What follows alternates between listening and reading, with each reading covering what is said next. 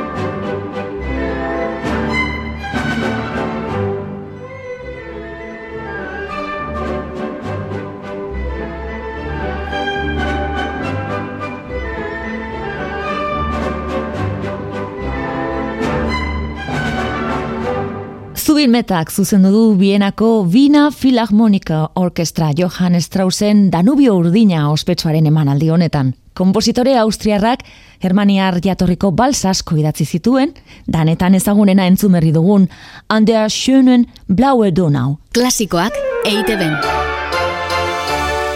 Historian zehar galduta egon den autore baten sonata bat entzutera goaz. Dietrich Bustehuderen berreunda irurogeita zeigarren sonata jarraian.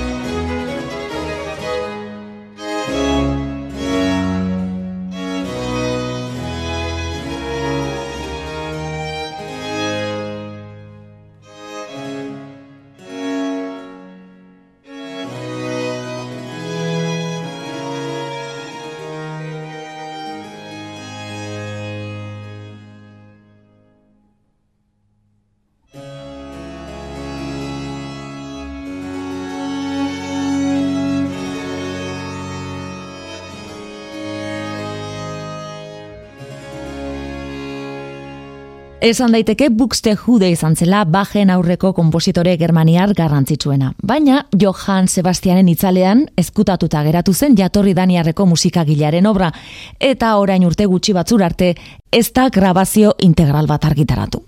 Musika antikoa Köln entzun dugu Dietrich Buxte Juderen berreunda irurogeita zeigarren sonatan. Kolonia iriko orkestra 2006an desegin egintzen, aurreko hiru hamarkadetan antzinako musikari ekarpen irautzailea egin ondoren. Klasikoak EITB. Presta zaitezte orain Euskadiko Orkestra dator gure klasiko handienetako batekin. Guri diren ezpata dantza.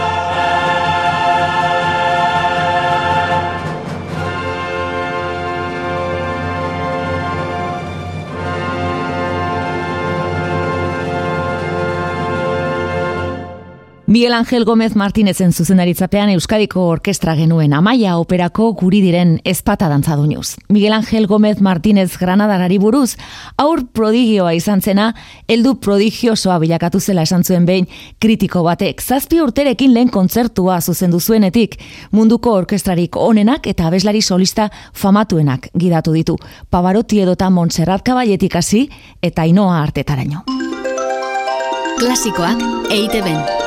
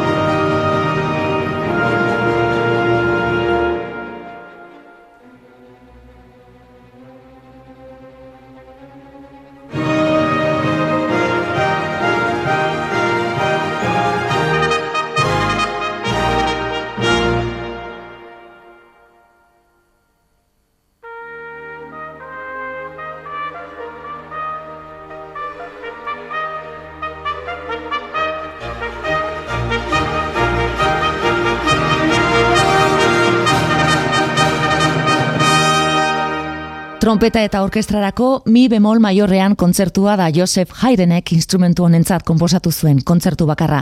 Gogoratu Hayden nanaiak Joseph eta Michael aintzindari izan zirela trompetarako idatzitako musikaren garapenean. Eta askorentzat entzun dugun hau da, entzun dezakegun piezarik ederrenetako bat. Solista erraldoi batek jota entzun dugu gainera, Christian Steel Perkins ingelesak Ingalaterrako ganbera orkestrak lagunduta. Klasikoak eite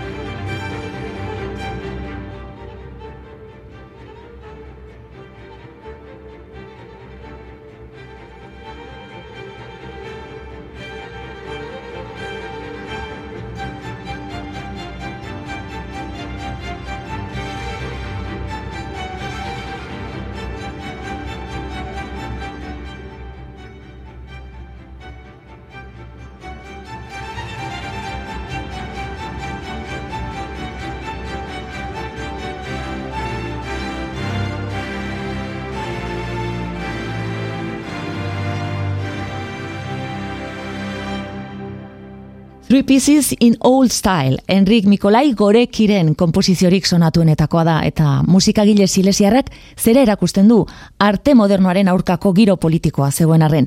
Bigarren mundu gerra ondoren, Poloniako musikak ordur arte ezagutu gabeko askatasun giroa bizi izan zuela.